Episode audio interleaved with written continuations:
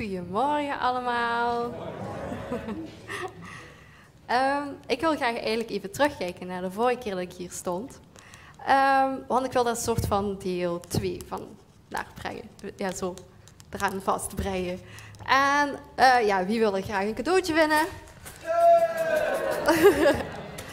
nou, dan is de vraag om het cadeautje te winnen. Waar ging mijn preek de vorige keer over? Ik zag daarachter als eerste de hand hoor. Oeh, ja, inderdaad, ja, inderdaad. Levi, laat hem maar zien. Ja, Levi. Be a warrior, not a warrior. En ik heb het toen gehad over Jozefat. Ik heb jullie meegenomen over het verhaal van Jozefat. Uh, namelijk dat een aantal stammen koning Jozefat gingen aanvallen. En hij was dan omsingeld door drie legers. En hij schrok er een beetje van toen dat iemand dat kwam vertellen. En uh, hij is eigenlijk hulp gaan zoeken bij God. Hij is hem gaan aanbidden en hem gaan hulp vragen. En dan heeft, um, ja, uh, heeft hij de, de oorlog niet gewonnen, maar hij heeft God de oorlog gewonnen. Daar ging het eigenlijk om. Ik heb het gehad over 2 Kronieken, uh, 20 vers 17. En dat zegt, maar u zult niet hoeven te vechten. Neem uw plaats in, blijf staan en kijk hoe God u allen op een wonderlijke manier gaat redden. Inwoners van Juda en Jeruzalem. Wees niet bang of ontmoedigd, ga hem morgen tegemoet, want de Heere staat aan uw kant.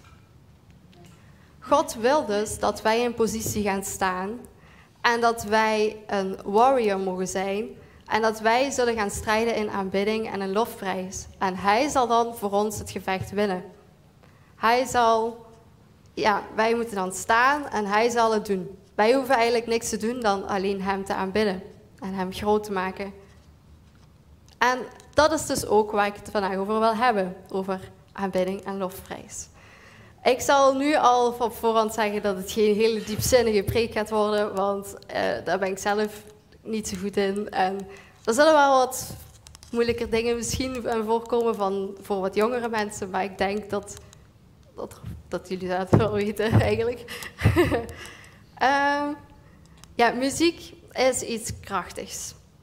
God vraagt aan ons om te strijden in aanbidding en een lofprijs, maar dat kan op heel veel verschillende manieren. En één daarvan is muziek. Muziek is dus daarom ook echt iets krachtigs. En um, het kan veel dingen doen. En ik wil met jullie verhalen gaan lezen uit de Bijbel. En daardoor wil ik uh, onderzoeken, samen met jullie, waarom dat het nu zo krachtig is, muziek. Allereerst uh, Jozua 6. Of ja, u kan het lezen in Jozua 6. Het staat niet op de beamer, want ik wil het vertellen en niet voorlezen. Uh, Jozua ging naar Jericho, een deel van het beloofde land veroveren. Uh, ja, eigenlijk heel Jozua 6. Maar ik ga het een klein stukje vertellen. Um, Jozua ging dus naar Jericho, ja, een deel van het beloofde land veroveren. En um, hij veroverde dat op een speciale manier. Hij moest namelijk zes dagen lang één rondje rond de stad lopen. En als hij dat zes dagen heeft gedaan, moest hij dat nog een zevende keer doen. Maar op die zevende dag moest hij dat um, zevenmaal doen. En dat um, met heel veel geluid, heel veel lofprijs, heel veel trompetten, luid, luid geroep en van alles van alle mensen die daar meeliepen. En op dat moment stortten de muren van Jericho in. En konden ze de stad veroveren. Hier zien we een ander mooi verhaal van de preek van vorige keer. Uh, zij hebben dus niet gevochten, maar ze hebben wel hun plaats ingenomen. Zij hebben de rondjes rond de stad gelopen en op de zevende dag hebben zij God groot gemaakt en heeft God de, uh, de overwinning behaald. Die mag je straks komen halen, hè?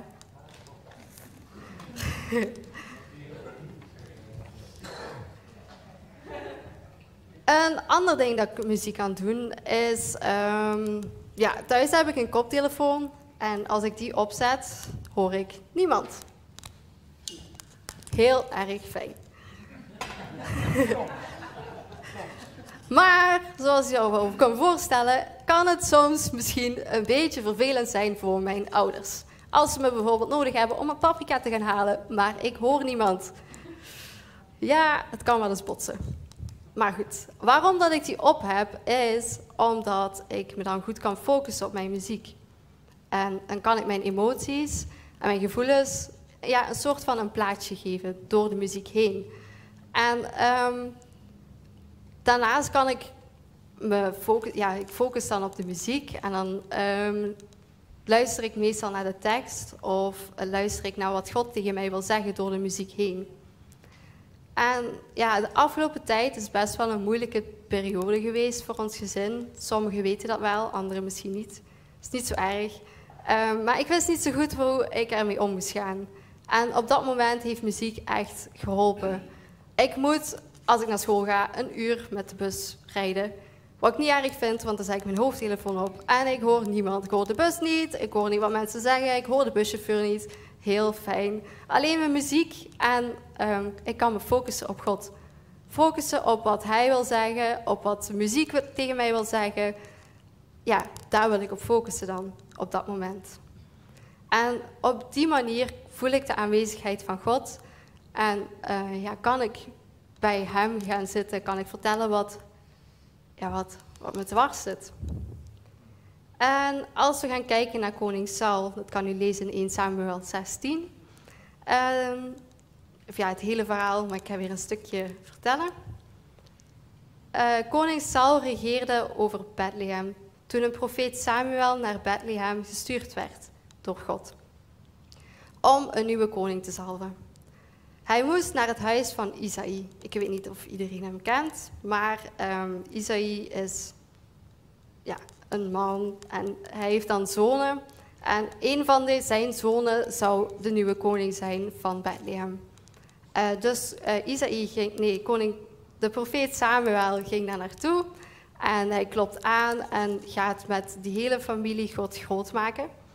En daarna ging hij een van zijn zonen salven tot nieuwe koning. Nou, de oudste komt en um, Samuel kijkt. Nee, dat is hem niet. De volgende komt. Nee, ook niet. En zo is een heel rijtje afgelopen. Was er nog één laatste zoon. Die was op het veld. Hij zorgde voor de schapen. En um, ja, die moest dan naar uh, profeet Samuel komen. En ja hoor, dat was de nieuwe koning. Um, dus Samuel had hem gezalfd en um, op dat moment komt de geest van God over, Sam, over David. Um, maar op datzelfde moment, uh, toen dat David gezalfd werd en de, de geest van God bij hem kwam, ging de geest uh, van God uit Saul, uit koning Saul. En in plaats daarvan uh, kreeg hij boze geesten en werd hij daar bang van en angstig van en een beetje depressief. Um, en dat zat Saul best wel dwars, maar ook het volk van uh, Bethlehem, die um, ja, konden daar niet zo goed mee omgaan. Dus zijn ze op zoek gegaan naar iemand die op een harp of een lier of ja, een, verschillende vertalingen staan andere dingen. Um, maar ja, dus een harp waar iemand op speelt. En David was uh, de beste uit de stad. Dus die hebben ze naar koning Saul gehaald. En iedere keer als uh, David op de harp uh, speelde, gingen de boze geesten weg. En uh, lieten ze hem met rust. In dit verhaal zien we dat koning Saul tot rust kwam door muziek. Niet omdat, ja, maar omdat Saul hulp zocht bij de mensen, was het niet een blijvende ding. Dus moest koning, ja, koning David, op dat moment was het nog David, op zijn harp spelen en gingen de boze geesten weg. Muziek doet dus iets met je. Muziek kan een middel zijn om je gevoelens uit te drukken of je beter te laten voelen. Maar als je de verkeerde muziek luistert, kan het er ook voor zorgen dat je depressiever wordt of dat het nog slechter met je gaat. Dus pas goed op naar wat je luistert. Eén andere reden waarom dat ik hem op heb, is uh, zodat ik me goed kan concentreren. Aangezien ik niemand hoor, kan ook niemand me afleiden. Heel fijn, vindt u niet? maar als ik me dan wel moet concentreren op wat ik leer, moet ik wel oppassen op wat ik opzet. Want als ik liedjes opzet waarmee ik heel goed kan meezingen, niet dat ik heel goed kan zingen, maar ik zing wel heel graag mee, dan, uh, ja, ga ik uren meezingen. En als ik dan tegen de leerkracht zeg, goh ja, ik heb niet geleerd wat ik moest leren, omdat, ja, de playlist was echt leuk. ik denk niet dat ze het zo leuk vinden. ik als leerkracht zou dat niet zo leuk vinden. Uh, dus ik moet dus liedjes opzetten die, waarbij ik niet kan meezingen, zo van die uh, instrumentale liedjes of liedjes die ik gewoon nog nooit gehoord heb, van dat soort liedjes. Um, zo was er ook iemand in de Bijbel, een profeet, namelijk Elisa. En het verhaal kan u lezen in 2 Kronieken 3, vers 15. Hier had ik wel een vers bij. Ehm, hij zegt daar, maar goed, haal voor mij iemand die op een citer kan spelen. In andere vertalingen is het ook wel een lier of een harp. Uh, toen de man op zijn citer speelde, kwam de geest van de Heer over Elisa. En hij zei, dit zegt de Heer. En zo gaat het verder. Maar hier wil ik bij laten. Um, Elisa had dus muzikanten nodig om zich te concentreren op God en zijn stem te verstaan. De muzikanten die Elisa nodig hadden, waren op dat moment God aan het aanbidden, God groot aan het maken. En daardoor kon Elisa zich goed concentreren op God en kon zijn gedachten afstemmen op wat God wou zeggen. God spreekt dus door aanbidding heen. Het zijn niet zomaar liedjes die we zingen. Het is op dat moment dat we kunnen communiceren met God. Want ja, God spreekt door aanbidding heen. Op dat moment maak je je hoofd, je gedachten, alles wat er hier speelt, maak je leeg. En uh, kan je je focussen op God. En kan Hij iets heel persoonlijks tegen jou zeggen. Maar ja, we zingen hier nu wel altijd liedjes, heel leuk natuurlijk. Maar wat is dat nu eigenlijk, lofprijs en aanbidding? Nou, ik heb een paar moeilijke woorden opgezocht. En uh, ik ga ze voorlezen, want anders gaat het niet lukken, helaas. Uh, de, Bijbel staat vol met, heerlijk, uh, met mensen die het heerlijk vonden om muziek te maken. Oh, en op die manier, op die manier um, de liefde van God te uiten, zeg maar, wat zij voor hem voelen.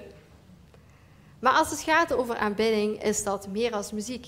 In het Oude Testament staat het Hebreeuws woord shachach. En dat betekent neerbuigen of jezelf verlagen voor een koning en hem eer brengen.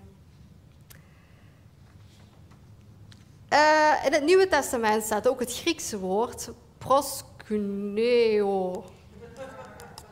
Heel moeilijk woord. Ik ken geen Grieks, dus, maar er stond een vertaling bij dat wel handig is.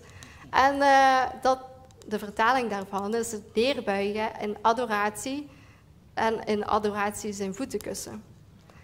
Adoratie is een heel mooi woord voor um, ja, aanbidding of ja, iemand heel erg lief hebben en daardoor zijn voeten willen kussen. Ik vind voeten niet zo lekker. Ik zou niet echt heel graag in iemand zijn voeten willen kussen, maar ik snap het wel. ja. Um, en in het Engels is het woord worship, die jullie wel, waarschijnlijk wel kennen. En dat betekent het laten zien wat waarde is. Dus eigenlijk als je die drie woorden bij elkaar doet, dan is het aanbidding betekent dus jezelf neerbuigen voor God. Hem eer geven, laten zien hoeveel jij van hem houdt en hoeveel jij denkt dat God waard is. Het is dus iets heel persoonlijks, uh, iets wat tussen jou en tussen God is. Maar ja, waarom beginnen we dan iedere zondag met muziek? Omdat het eigenlijk gewoon heel bijbels is. De Bijbel leert ons dat muzikanten en priesters de weg vrijmaakten om God voorop te gaan in lofprijs en aanbidding. Lofprijs en aanbidding baant de weg, want um, in Psalmen 50, vers 23, die staat wel op de beamer normaal gezien, staat: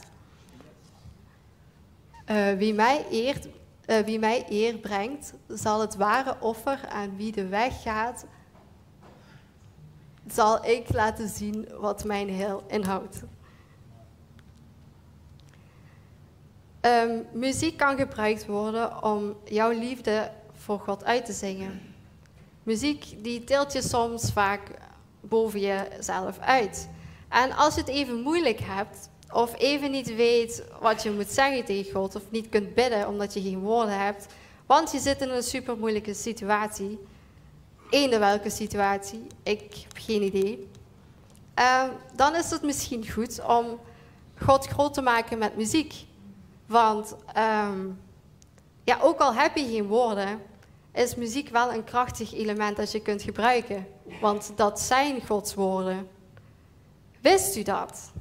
Veel op opwekkingnummers gebaseerd zijn of geschreven zijn op teksten uh, van uit de Bijbel. Vooral uit psalmen eigenlijk.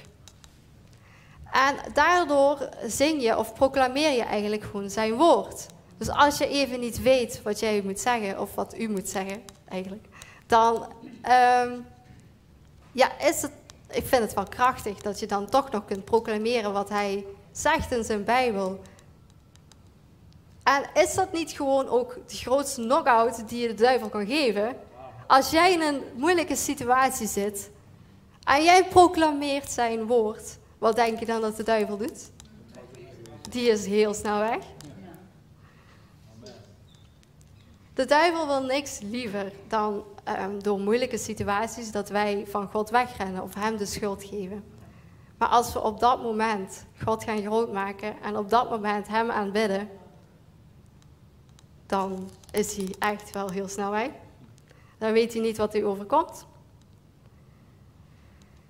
Zo waren er ook twee mensen in de Bijbel. Paulus en Silas.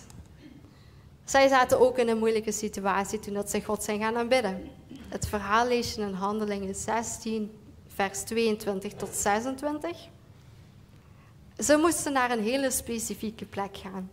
Uh, maar daar keerden de menigte tegen uh, ze, uh, de, de, stadsbestuurders, de mensen die de stad bestuurden, die trokken de kleren van, van hem af en gaven de opdracht om hem te slaan met stokken. En daarna moesten werden ze vastgeboeid met uh, kettingen rond hun voeten in de diepste kelders, zodat ze nooit meer weg konden. En uh, ja, ze waren het er gewoon niet mee eens dat zij God zo lief hadden en God zo aanbaden eigenlijk. Uh, midden in de nacht waren Paulus en Silas aan het bidden en zongen ze lofliederen. De andere gevangenen luisterden naar, want ja, die kunnen toch niet weg, dus wat kun je anders doen natuurlijk. Ja, zo moeten we luisteren. Plotseling was er een hevige aardschok en de deuren sprongen open en, iedereen, en bij iedereen schoten de boeien los. Hoe krachtig is dat? Zij maken God groot en de deuren gaan open in de gevangenis, de boeien gaan los en je kunt gewoon, je bent vrij. Je kunt gewoon gaan waar je, je wil. Remco de Zwart zei in een van zijn preken, Vertel niet aan God hoe groot jouw probleem is, maar vertel jouw probleem hoe groot God is. Vond ik wel een hele mooie om te zeggen. Daarnaast is aanbidding niet altijd zingen. Er zijn heel veel mensen in de zaal die heel mooi kunnen zingen, zoals Rebecca, Naomi, Rijn, eh, Marleen. Er zijn er nog hoor, Esme, maar die zit niet in de zaal. Ja, er zijn er echt wel die heel goed kunnen zingen. Ik niet. Kan dat niet zo goed. Um, maar er zijn allerlei manieren van aanbidding. Het is iets heel persoonlijks. Aanbidding en lofprijs is eigenlijk gewoon de creativiteit die God jou gegeven heeft. Het is dus eigenlijk gewoon een talent die jij gekregen hebt en daarmee kun je God groot maken. Al is dat nu door foto's te maken. Stefan van der Kamp die maakt super mooie foto's en uh, ja, daar zie je gewoon de pracht van zijn schepping. Uh, Rut en Angela, de creativiteit van hun, hoe dat zij omgaan met, uh, ja, als ze hier zo van die stukken, hier waren zo van die planeten, Angela heeft het gemaakt, ja, hoe mooi is dat? Of de vrolijkheid van Chris of van Huub. Heb je daar al eens mee gepraat? Hoor, als je die, die peppy helemaal op Of uh, de zorgzaamheid van Greetje of Annemarie of van Roelie. Wauw, ja, echt krachtig. Ja. Dus het is echt iets speciaals, iets wat God in jou heeft gelegd. Het is niet iets buiten jouw comfortzone.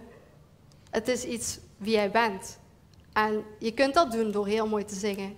Je kunt dat doen door zorgzaam te zijn. Je kunt dat doen door te dansen. Gisteren, was er, uh, gisteren zijn we met de jeugd naar een avond geweest, een worshipavond. En daar was iemand aan dansen met vlaggen. Nou, daar spatte gewoon de kracht van God vandaan. Dat was echt wel heel mooi om te zien. Ik heb eigen droom, want ik ga even drinken.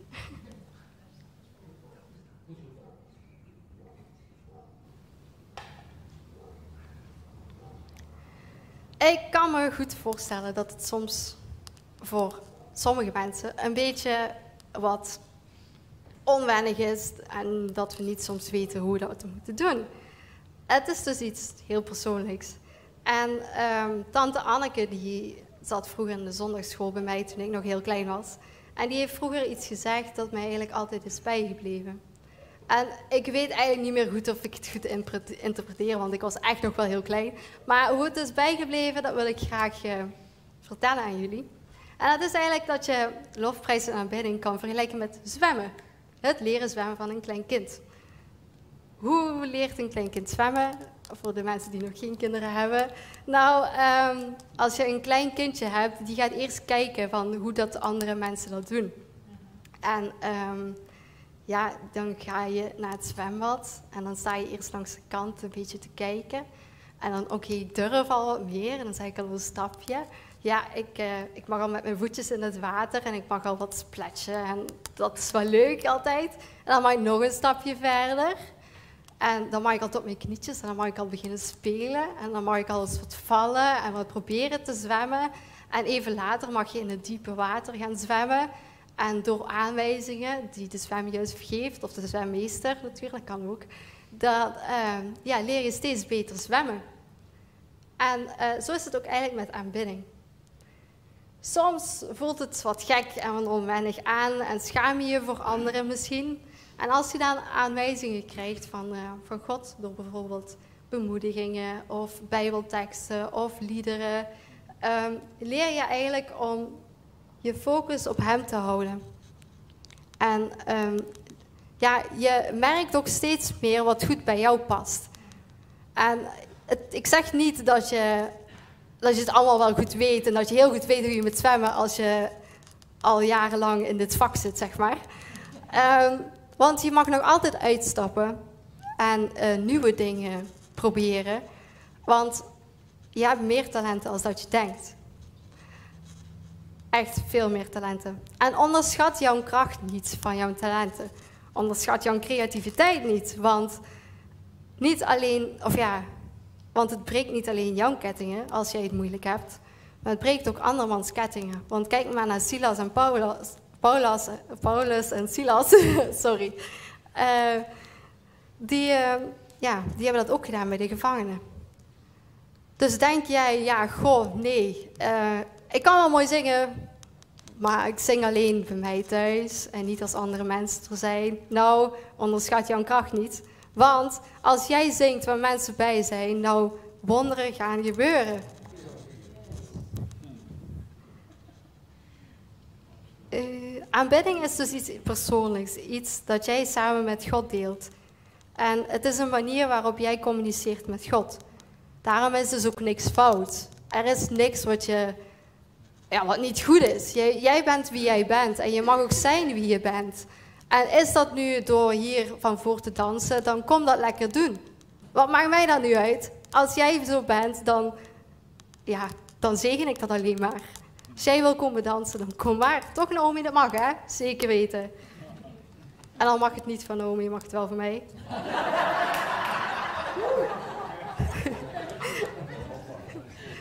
ja. Met het laatste plaatje wil ik eindigen. Wij, uh, de afgelopen weken waren wij weg naar de Veluwe met ons gezin. En we waren naar het Openluchtmuseum geweest. En met de voorbereiding van het preek kwam ik deze kerk tegen. En de tekst die op de kerk staat, die kunt u misschien niet lezen. Het is een beetje wazig, zie ik. Maar um, die past heel goed bij mijn preek eigenlijk. En ja, dat is eigenlijk gewoon een knipoog van God, denk ik. Daar staat, uh, uh, in uh, het heel oude Nederlands. Een psalm uh, 100, vers 3. Gaat tot zijn poorten in met lof, met lofgezang in zijn heilig hof. Looft hem al daar met hart en stem. Prijs zijn naam, verheerlijkt hem. Nou, daar heb ik veel op moeten oefenen, sorry. Het is goed, ja. Want ja, ik wil graag vragen of de band naar voren wil komen. Want daar gaat het toch eigenlijk om. Uh, dat we terug mogen gaan naar het hart van aanbidding. Heel intiem bij Hem. En soms kan het zo zijn dat het lijkt alsof, uh, alsof God weg is. Of dat je hem niet gehoord, of dat je hem niet verstaat. Of dat je denkt dat je het niet waard bent. Maar dan mag je juist je handen opheffen naar Hem. En um, ook al is het maar een heel klein beetje, het is wel datgene dat, dat is meer dan genoeg voor God. En um, ja, dat je, met open en, uh, dat je met een open en ontvankelijk hart Hem aanbidt. In welk seizoen je ook zit, hoe je je ook voelt, hoe je ook, ja, in welke situatie je ook zit, je mag altijd terug naar het hart van aanbidding. En dat is ook een liedje dat we gaan zingen. Yeah.